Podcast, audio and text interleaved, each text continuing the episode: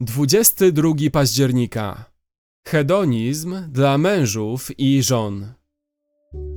Ale jak Kościół podlega Chrystusowi, tak i żony mężom swoim we wszystkim. Mężowie, miłujcie żony swoje, jak i Chrystus umiłował Kościół i wydał zań samego siebie. List do Efezjan 5, 24 i 25. Istnieje wzór miłości w małżeństwie ustanowiony przez Boga. Role męża i żony nie są takie same. Mąż ma czerpać określone dla niego wskazania od Chrystusa jako głowy Kościoła. Żona ma czerpać swoje określone wskazania dla Bożego zamysłu dla Kościoła jako uległego Chrystusowi. Gdy tak czynimy, grzeszne i niszczące rezultaty upadku zaczynają się odwracać. Upadek odwrócił miłujące zwierzchnictwo mężczyzny we wrogą dominację u niektórych mężczyzn, a u innych mężczyzn w leniwą obojętność. Upadek odwrócił inteligentną, ochoczą uległość kobiety w manipulującą ugodowość u niektórych kobiet i bezczelną nielojalność u innych kobiet. Odkupienie, którego oczekiwaliśmy, gdy Mesjasz przyszedł w Jezusie Chrystusie, nie było rozmontowaniem stworzonego porządku, miłującego przewodnictwa i ochoczej uległości, lecz jego przywróceniem.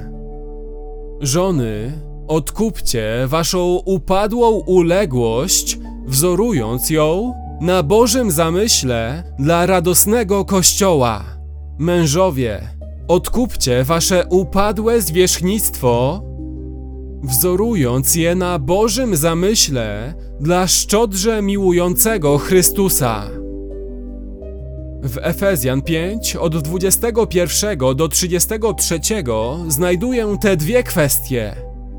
Ukazanie chrześcijańskiego hedonizmu w małżeństwie i kierunek, w jakim powinien podążać.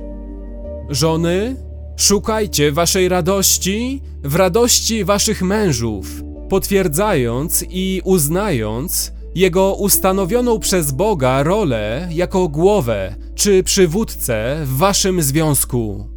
Mężowie, szukajcie waszej radości w radości waszych żon, zgadzając się wziąć odpowiedzialność prowadzenia, tak jak Chrystus prowadził Kościół i wydał zań samego siebie. Chciałbym dać świadectwo Bożej dobroci w moim życiu.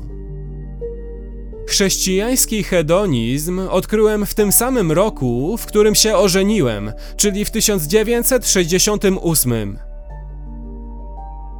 Od tego czasu Noel i ja w posłuszeństwie Jezusowi Chrystusowi dążymy z pasją do najgłębszych i najtrwalszych radości, jakie tylko są możliwe. Zbyt niedoskonale, czasami zbyt połowicznie, tropiliśmy naszą własną radość w radości drugiej osoby.